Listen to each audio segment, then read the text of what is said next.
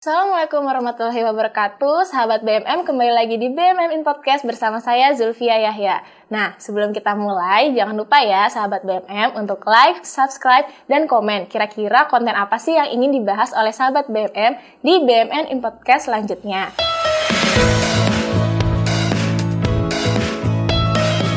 Sekarang aku lagi sama seorang yang luar biasa beliau merupakan pendongeng nasional yaitu Kak Awam Prakoso. Iya.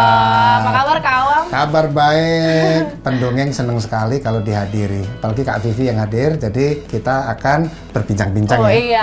Nah, Awam, tau gak sih sejak Maret 2020 ini Ya. kan kita udah harus berada di rumah ya. Betul. Sesuai dengan anjuran pemerintah. Entah belajar, kerja, ibadah. Nah, kalau dan berita-berita ini nih banyak banget yang menampilkan kalau misalnya mereka yang adik-adik kita atau anak-anak kita belajar di rumah terus bikin stres.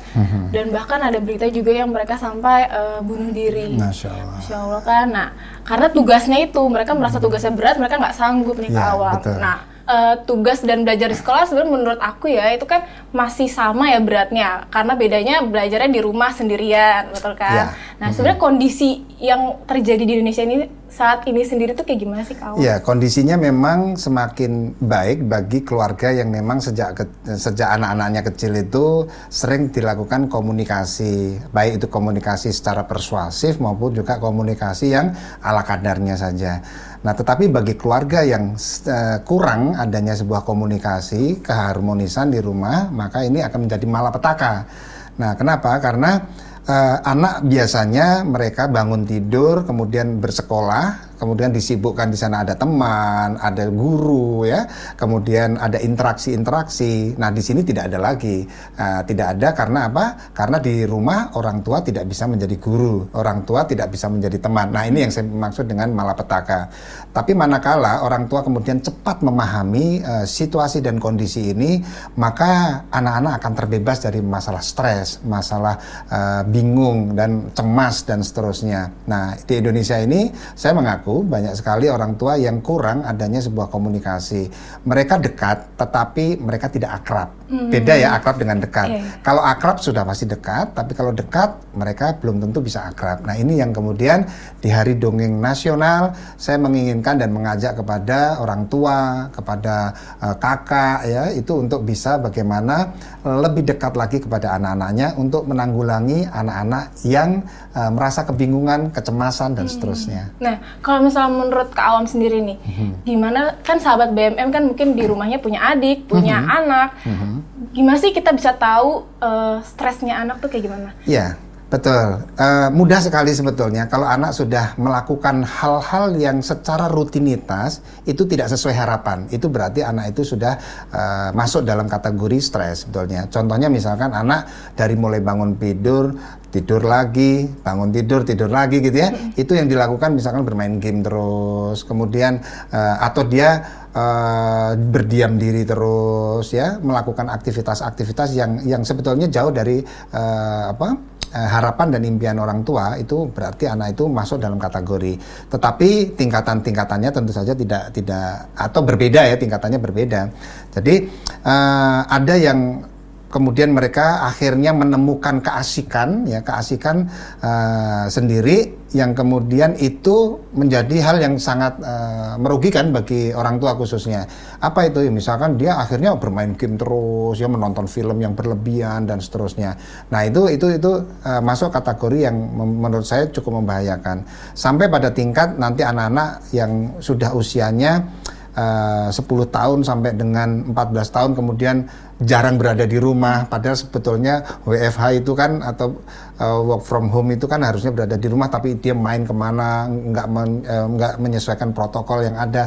Nah ini juga cukup membahayakan. Jadi membahayakan bukan berarti eh, apa hal yang sangat menakutkan tidak. Membahayakan artinya proses perkembangan mereka menuju pada satu fase mereka bisa sukses di masa mendatang itu akan terganggu gitu. Jadi seharusnya mereka belajar ya saya pikir eh, tingkatannya berbeda-beda Tapi ada nggak sih Kak Awam eh, ciri-ciri stres yang benar-benar nggak bisa dilihat gitu sama orang tua? Kan mungkin nggak peka kan orang tuanya gitu. Betul. Eh, yang sangat tidak bisa terlihat itu eh, sebetulnya bu- bukan tidak bisa terlihat, tapi orang tua tidak mau melihat gitu ya, tidak mau melihat. Ya, uh, contoh misalkan anak tiba-tiba main di luar yang uh, begitu nggak terkontrol itu ya, itu ciri-ciri satu itu. Kemudian yang kedua bermain game atau bermain handphone ya, yang uh, dari pagi ketemu pagi lagi yang dimainkan itu saja. Nah itu itu ciri-ciri yang yang menurut saya itu uh, tidak nampak ya orang tua tidak menyadari anaknya berdiam di rumah ih kayaknya soleh ini solehah hmm. gitu ya berada di rumah uh, padahal apa yang dilakukan itu orang tua tidak tahu seperti itu. Berarti kalau misalnya anaknya anteng dengan gadget itu berarti itu udah warning ya? Sebetulnya sudah sangat warning udah karena warning. orang tua akhirnya tidak menyadari bahwa yang dilakukan anak-anak itu di luar kontrol. Uh, banyak loh anak-anak yang tiba-tiba mohon maaf ya dia kemudian chat dengan siapa nggak tahu kemudian main gamenya apa tidak tahu.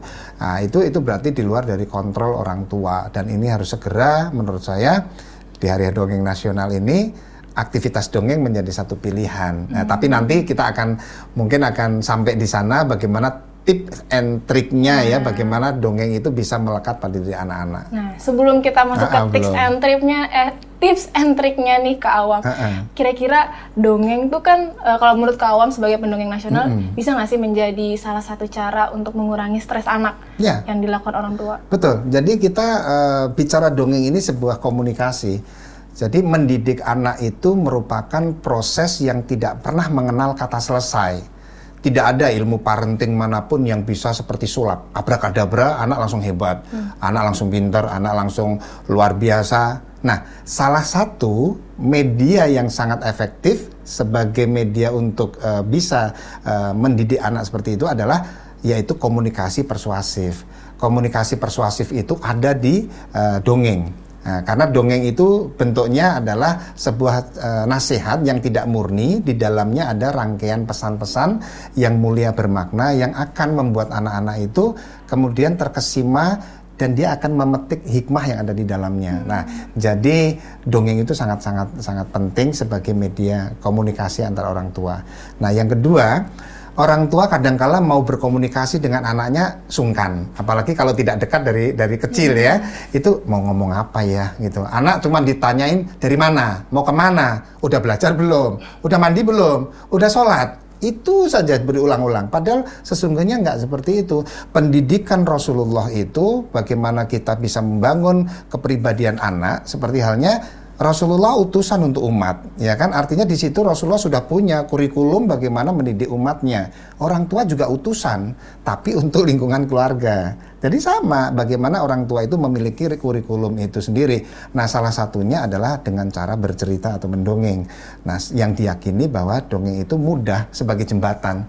Jadi kalau misalkan kita mau menasihati ini kan nggak enak.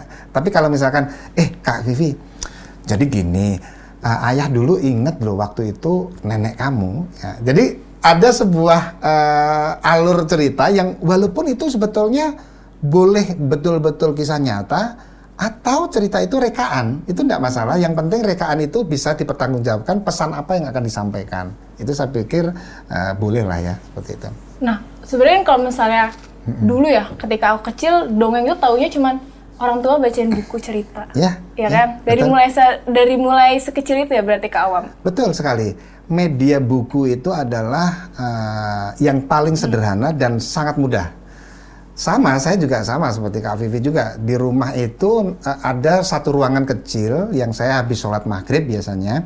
Itu anak-anak uh, dan istri itu berkumpul Lalu di situ ada berbagi cerita bersama keluarga. Hmm. Ayah membacakan buku cerita. Biasanya kita ceritakan kalau ayah itu kan sukanya cerita-cerita uh, kisah-kisah Qurani, sirah nabawi gitu ya. Kemudian habis itu bunda bercerita. Nah, bunda ini udah saya setting ibunya. Settingnya apa? Uh, ceritalah cerita-cerita pengalaman, pengalaman pribadinya, neneknya, kakeknya, cerita tentang uh, keharmonisan antara uh, saya dan istri dan lain-lain. Pokoknya cerita tentang itu. Jadi kita bagi-bagi. Itu uh, harus relate sama ceritanya yang iya, ke awam itu. Harus relate. Jadi uh, jadi nanti setelah dikuatkan sebuah uh, kisah yang memang betul-betul nyata ya, yang memang betul-betul menjadi suri teladan dari kisah Rasulullah para sahabat, tabiin tabiin ya dan lain sebagainya. Ini uh, si ibunda nanti bercerita tentang hal-hal yang terkait dengan pengalamannya. Nah, nanti Ananda, Ananda akan bercerita juga tapi dengan buku. Kita biasakan. Karena kalau kita paksa untuk mendongeng seperti kita kan pasti juga akan kesulitan. Bacakan aja. Jadi sifatnya tidak tidak mendongeng tetapi bercerita dari buku cerita. Oh, wah luar biasa banget nih. Iya, iya, keren Aku ya. baru itu. Tapi kamu kenapa sih mulai apa namanya bergelut di dalam dunia dongeng? Nah, ini pertanyaan menarik sekali nih teman-teman sekalian. Jadi saya kan lulusan dulu namanya lulusan dari eh, kampus eh, Akademi Perbankan. Nah, tetapi kemudian sekarang berubah Setia Ahmad Dahlan berubah lagi jadi ITB Ahmad Dahlan. Nah, di situ saya punya ya, saya punya eh, apa pengalaman saya kan di bidang perbankan ya. Kemudian setelah lulus kerja di bank. Nah, tahun 98 itu eh, krisis moneter dan saya akhirnya dari bank sukses saya di PHK. di PHK. ya. Jadi gini, dari mulai SMP saya senang dengan berorganisasi. Saya senang sekali. Semua seni itu saya suka. Ada seni pencak silat, ada seni eh, lukis, seni menyanyi, eh, apa ma- seperti seni eh, berpidato, berteater dan lain sebagainya. Nah itu saya bawa sampai SMA, kemudian di perkuliahan. Nah di perkuliahan itu sampai dengan saya lulus tahun 96, saya berhenti, lalu bekerja di bank itu, dan setelah itu saya melihat penampilan-penampilan, ya kan? Saya melihat penampilan-penampilan seperti Kak Seto Mulyadi, Kak Seto itu tokoh eh, perlindungan anak ya, tokoh anak lah bapaknya anak-anak ibaratnya. Kemudian seperti yang tadi, Soldo Iwak Kebo, eh, Pak Raden akan menggambar ya. Nah, ada Pak Tino Sidin. Saya terinspirasi orang-orang yang sangat luar biasa brilian itu di bidang anak. Lalu saya pun juga mengikuti langkahnya. Ada Bunda Neno Warisman, ada Agus DS ya. Wah itu adalah tokoh-tokoh Ria Enes yang Susan gitu ya.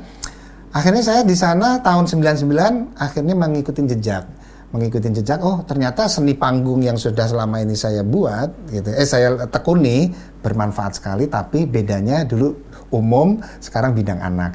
Lalu tahun 99 itu saya mulai bergerak terus sampai dengan tahun 2007 saya sudah menemukan sebuah teknik-teknik yang kemudian saya eh, bukukan sampai sekarang dan kemudian saya sebarkan begitu. Oh berarti pertama ngeliat orang dulu ya kau. betul. Tapi kalau misalnya kayak gitu pernah nggak sih kayak berpikir, aduh sebenarnya ini eh, oke nggak sih untuk diteruskan gitu? Ya, sih? eh, betul sekali Kak Vivi. Jadi saat itu seberjalannya waktu dari tahun 99 sampai 2007, saya selalu, selalu bertanya, apa iya sih aku menjadi pendongeng? Karena ya tanda kutip mohon maaf ya di sini kan tidak ada uangnya ya.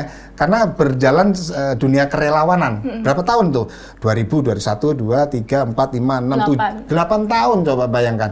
8 tahun tuh dalam kondisi saya pentas dongeng ke sana kemari nggak ada speser pun yang bisa memberikan kecuali kita berinisiatif, berinisiatif untuk mera- me- me- meraih rupiah ya dengan caranya membuat event dan lain sebagainya. Nah, jadi tidak ada ketika kita keliling-keliling di kampung eh, ke mana-mana itu orang memberikan uang nggak ada. Akhirnya lah seperti tadi saya katakan di tahun 2007 mulailah ada sebuah perubahan bahwa ini sebetulnya bisa dijadikan sebuah komoditi, bisa dijadikan sebuah profesi. Dari situ saya berangkat membuat strategi.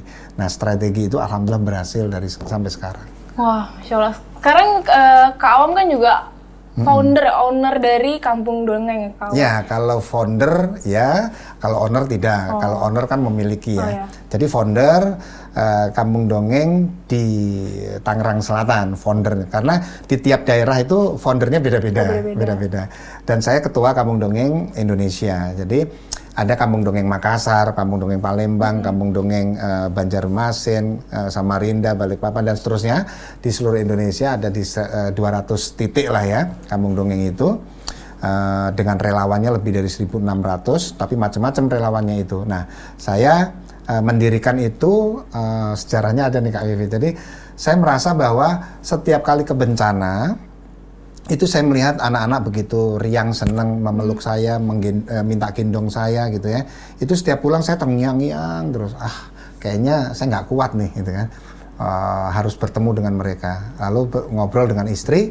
Eh, sebetulnya kalau dengan anak-anak rindu nggak perlu harus kita ke bencana tapi bisa juga uh, area di tempat kita tinggal itu dimanfaatkan. Akhirnya saya buatlah rumah kontrakan saya itu sebagai tempat ngumpulnya anak-anak. Hmm. Jadi tidur saya itu mepet uh, ke tembok dengan garis lurus. Uh, saya sulit sekali untuk berenjak ya. Sangat minimalis, tetapi ruangan itu uh, saya perluas untuk anak-anak di situ masih ngontrak. Akhirnya Allah memberikan satu bidang tanah yang cukup luas bagi saya untuk uh, lebih banyak anak-anak berkumpul. Nah, itu saya mulai di tahun 2009. 2009 akhirnya uh, berkembang banyak teman-teman yang mau seperti Kalimantan, oh aku mau dong mendirikan di tempat saya. Sumatera mau juga, uh, apa Sulawesi saya mau juga, sampai di Jayapura mau ya sudah. Akhirnya berdirilah di berbagai daerah itu. Hmm. Gitu.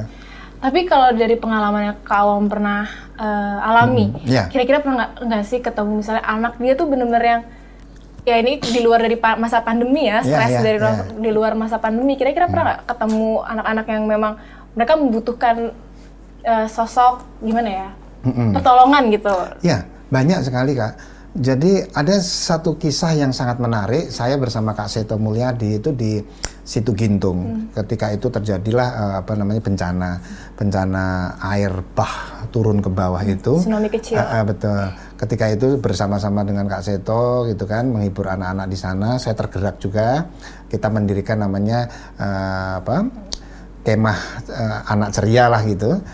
Nah di sana uh, saya sukanya kalau sudah lelah di panggung itu biasanya jalan-jalan gitu. Itu ada laporan ya, saya sendiri laporan, kak itu ada anak yang nggak mau turun dari loteng gitu. Kemudian saya, oh ya sudah, saya coba ya gitu. Akhirnya saya ajak anak-anak bermain. Ayo kita main, ayo kita jadi ayam, bebek, oh kita bermain-main seperti itu bermain peran gitu ya. Sengaja saya lakukan itu di bawahnya si anak yang tidak mau turun dari loteng karena traumanya sangat luar biasa air bah yang begitu besarnya akhirnya saya naik satu tangga naik satu tangga naik satu tangga mengajak dialog. Akhirnya anak itu turun. Nah itu satu pengalaman yang luar biasa. Uh, ada juga pengalaman-pengalaman seperti saya berada di daerah-daerah 3T daerah terbelakang lah sana. Itu juga menemui anak-anak yang sangat membutuhkan. Kita nggak boleh pulang. Kita harus berada di sana. Ayo dong kak di sini dulu. Akhirnya saya ya udahlah. Uh, karena uh, kepala desanya atau kelurahannya minta udah kak tinggal dulu lah nanti kita pikirkan tempat tinggalnya di mana ya sudah akhirnya tinggal lama jadi banyak hal ya seperti naik pesawat juga pernah saya anak nangis nggak berhenti lalu saya bunyikan gitu ya tapi saya nggak mau melihat anak itu. Saya saya berada di sisinya saja. Anak itu mencari gitu ya, suara apa itu. Kemudian saya keluarkanlah uh, apa namanya kertas, saya bentuk bebek. Ui, aku bebek, aku mau bermain-main. Oh. Ini saya berikan ke anak itu, anaknya nerima gitu kan, tapi dengan masih takut-takut ya. Saya buat satu lagi burung. Aku seekor burung, aku terbang. Kalau aku terbang, aku nggak takut. Aku, hmm, bebek apa kabar? oh iya kabarku baik. Nah di situ saya ber, terjadi perdialogan. Jadi bukan anaknya saja yang bengong, tapi semua penumpang ikut bengong. Jadi gitu nonton itu ya kontes di dalam saya pesawat. lakukan itu di pesawat.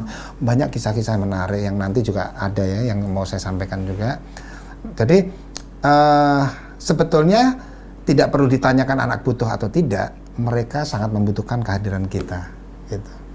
Nah, uh, kawan kira-kira ada nggak sih tips and tricksnya ini nih mm -hmm. untuk sahabat BMM yang mm -hmm. ayah bunda ya iya. sebutannya yeah. ya kalau misalnya udah punya anak yang butuh apa namanya untuk mengajarkan anak-anaknya ya yeah, ada ada jadi yang paling pertama kita harus perbanyak uh, kurikulum bercerita atau kita buat kurikulumnya carilah referensi-referensi cerita baik dari kisah Qurani, sirah Nabawi, cerita-cerita dongeng-dongeng dunia, dongeng Indonesia, itu kita cari uh, mana yang pas, mana yang mau kita olah. Sama dengan makanan. Makanan itu juga uh, bahan-bahannya kita kumpulkan yang istilahnya bahan dari hal-hal yang tidak sehat kita singkirkan seperti borak, formalin, ya, pewarna berlebihan yang tidak halal makanannya harus kita buang. Jadi uh, adanya adalah bahan-bahan yang baik harus kita olah. Nah, cerita-cerita itu juga begitu. Dari bahan-bahan, eh, dari cerita-cerita yang kita baca, eh ini ada kekerasannya, kita nggak usah. Oh ini ada pornografi, porno aksi, percintaan, nggak usah. Oh ini ada uh, apa namanya tahayul, kurofat, nggak perlu. Jadi uh, dari situ nanti cerita-cerita itu kita kumpulkan menjadi cerita-cerita yang memiliki nilai-nilai Islami. Kemudian baru kita uh, jadikan list. Baru orang tua membaca satu persatu kemudian mencari mana yang menarik. Yang kurang menarik kita singkirkan. Jadi cerita nanti akan menjadi banyak. Ya untuk stok sampai satu tahun lah misalkan kalau sehari sekali. Nah itu berapa banyak ceritanya. Nggak perlu dihafalkan tapi di eh, di stok aja. Nah itu yang pertama. Yang kedua orang tua tidak perlu memikirkan tekniknya. Karena teknik itu sebetulnya sudah dimiliki semua. Nah, cerita itu aspek utamanya kan bersuara suaranya ada narasi ada tokoh. Nah kalau narasi biasa. Eh bacanya nggak nggak nggak perlu di rumah. Pada zaman dahulu nggak begitu. Tapi ini ini ceritanya bagus ya. Bunda semalam baca. Bunda baca lagi ya. Jadi si uh, Andi Andi bangun pagi. Dia kok uh, pengen pipis. Andi kemudian mencari tempat pipis oh dia berada di pohon mangga. Eh tapi pohon mangganya bilang, halo, rubah suaranya, aku pohon mangga nih. Kalau kamu pipis di situ, nanti buahku jadi asam. Oh iya maafin aku buah mangga, aku nggak jadi deh. Lalu pindah lagi dia. Eh dia mau pipis di tempat uh, lobang di situ ada. Oh iya aku ini semut. Kalau kamu pipis di situ nanti aku kebanjiran. Astagfirullahaladzim nggak jadi nggak jadi. Nah hmm jadi ceritanya seperti itu aja yang simpel-simpel sehingga orang tua tidak tidak perlu memikirkan tekniknya, hanya perlu membedakan suara satu dan suara dua. Yang ketiga, cari referensi melalui uh, channel YouTube-nya Kak Awam ya. Itu okay. contohnya. contoh-contohnya itu ada contohnya. Ada itu 10 episode yang mana uh, berisi teknik-teknik yang uh, tidak saja menjadi orang tua tetapi juga bisa menjadi pendongeng profesional. Oh gitu. Keren. Nah, kalau misal Kak Awam kan tadi kan itu untuk mungkin mereka yang didengarkan mm -hmm. dongeng itu masih kecil ya. Yeah. Kalau misalnya mereka-mereka yang yeah. SMP ah. kan itu usia ABG kan stresnya lebih banyak ya Kak Awam ya. yeah, stres yeah. belajar, stres pertemanan, yeah. percintaan mungkin juga mungkin, sudah mulai. Yeah, Nah itu gimana nih Kak Awam untuk membantunya, hmm. membantu melewati stres itu melalui dongeng? Iya, jadi eh saya mau cerita dulu kemarin hmm. itu kan uh, waktu Kak Awam Uh, berada di satu daerah itu di situ ada itu loh apa namanya masjid itu masjid itu awalnya berdiri itu uh, kuat kokoh gitu tapi nggak tahu kenapa sepertinya kayak listrik gitu listriknya itu apa hmm. uh, masjidnya terbakar oh, kasihan banget ya hmm. nah di situ tahu nggak uh, akhirnya warga bersatu padu untuk mencari dana lagi untuk membangun masjid lagi hmm. Kak Vivi merasa nggak kalau saya lagi dongeng iya Hah? Itu lagi ya cerita kan? Lagi cerita kan? Tapi nggak nggak nggak nggak terasa kalau saya lagi dongeng gitu. Maksudnya saya lagi cerita. Oke, okay, gitu. ya. Nah, artinya kita harus mempunyai satu uh, trik uh, menceritakan, tetapi kita tidak terlihat seperti dongeng. Kalau untuk anak-anak yang di masa-masa anak baru mau gede atau anak SMA atau uh, mau sudah kuliah atau sudah bekerja, jadi kawan merasa bahwa anak-anak saya sekarang udah besar-besar, udah semester 7, uh, kelas 3 SMA, kelas 3 S SMP, itu saya selalu uh, mendongeng atau berceritanya seperti itu. Mau cerita itu rekaan, mau cerita betulan, bawakan dengan biasa, jangan di jangan dibuat-buat tapi kalau oh. anak kecil kan gini, halo nak, kakak mau bercerita, ayam berkokok. Aku ayam jantan yang siap untuk mencari makan. Masuk anak SMP mau digituin? Iya. Aku ayam jantan. Nah, nanti anak kita, ayah lagi sakit ya. gitu lagi kan. Nah jadi uh, di sini mendongenglah seakan-akan kita tidak sedang bercerita gitu. Oh, berarti harus bisa orang tua juga harus bisa membedakan ya kira-kira anaknya kepada siapa? Kepada siapa? Ah, Anak yang umur berapa umur gitu. berapa? Wow. Betul. Jadi uh, tidak semuanya itu dibawakan dengan walaupun saya seorang pendongeng yang kreatif dengan suara apa-apa nggak berlaku di rumah, hmm. nggak perlu seperti itu gitu ya. Berarti dongeng tuh nggak nggak harus suaranya berubah kan Enggak, nggak berubah tapi membedakan oh, suara. Membedakan. Kalau kita membacakan buku, bedakan suara tokoh satu dan tokoh yang berikutnya. Ini sahabat BMM di rumah mau dengerin Kak Awam uh, ngedongeng nggak nih? Mm -mm, ya. Boleh ya Kak Awam boleh ya? Dong, boleh. Coba ngedongeng uh, yang yang kecil-kecil aja nah, gitu. Yang sedikit iya, ya. sedikit aja. Jadi Kak Awam pernah membuat sebuah cerita tentang kakek bernama kakek Broto kakek Broto ini sudah tua, dia memiliki peternakan yang banyak sekali. Nah, pagi hari seperti biasa, peternakannya ribut oleh binatang-binatang yang dipeliharanya.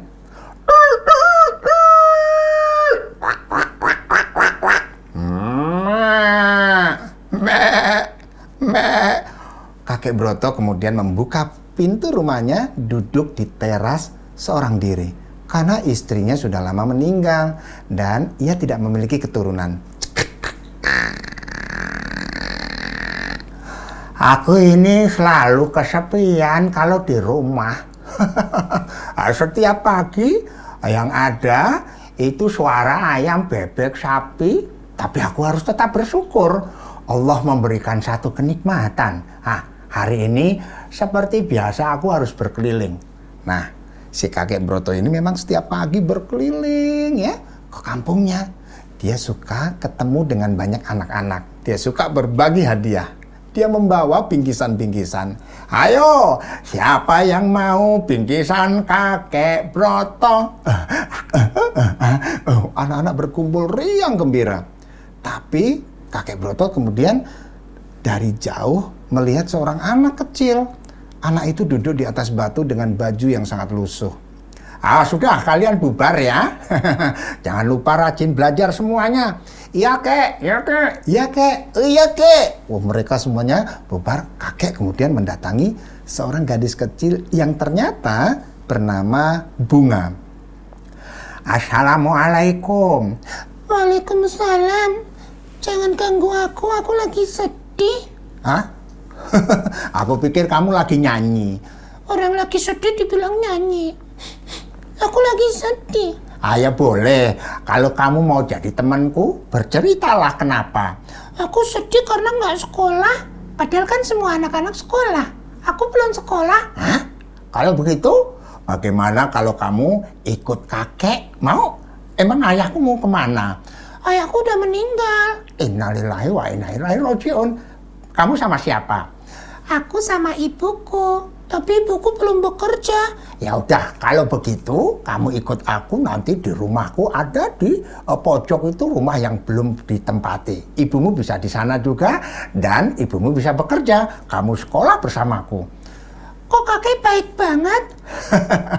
Namanya umat Nabi Muhammad itu yang sayang kepada anak yatim sepertimu. Sayang kepada semua umatnya. Aku juga harus nyontoh apa yang dilakukan Nabi besar Muhammad. Terima kasih kakek. Kakek. Bunga kemudian memeluk kakeknya dan itu pun bahagia karena Allah mengirimkan seorang anak yang ternyata hebat. Begitu Wah. ceritanya sahabat. Masya Allah, ini gak nyangka bisa didongengin sama Kak Awam. Iya, ya? uh, jadi di channel YouTube BMM nanti akan ada dongeng Kak Awam nih. Siap ya. nah Kak Awam, tapi ada nggak sebelum kita uh, ini kayak udah mau habis juga sih waktu kita cuma mm -mm. punya nggak sih kata-kata terakhir untuk orang tua yeah. sahabat BMM di rumah yeah. untuk menangani anak-anaknya yang sedang stres nah begini mendidik anak itu harus dengan kesabaran jadi sabar adalah mahkota uh, orang tua dan guru di dalam pendidikan kita orang tua adalah juga sang utusan. Artinya kalau Rasulullah untuk umat, kita juga diutus oleh Allah untuk anak-anak kita yang ada di rumah.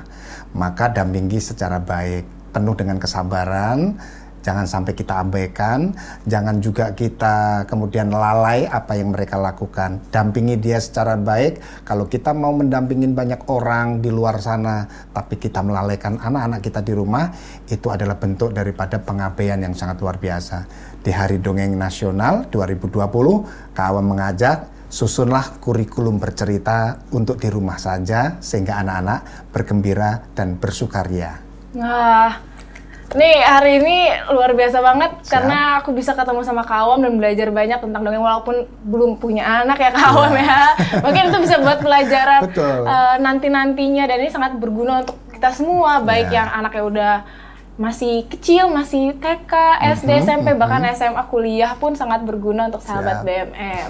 Nah, sahabat BMM sebelum kita tutup, aku mengajakin nih untuk sahabat BMM membantu sesama untuk uh, ya. para pejuang keluarga yang terdampak COVID-19 dengan cara scan QR code yang ada di pojok kanan bawah. Nah, nanti scan aja QRIS QRIS-nya menggunakan digital platform yang sahabat miliki.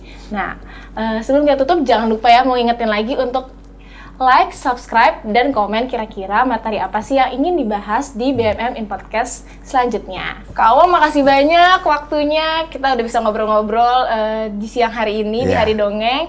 Nah, sahabat BMM, sampai berjumpa di BMM in Podcast selanjutnya. Wassalamualaikum warahmatullahi wabarakatuh. Dadah!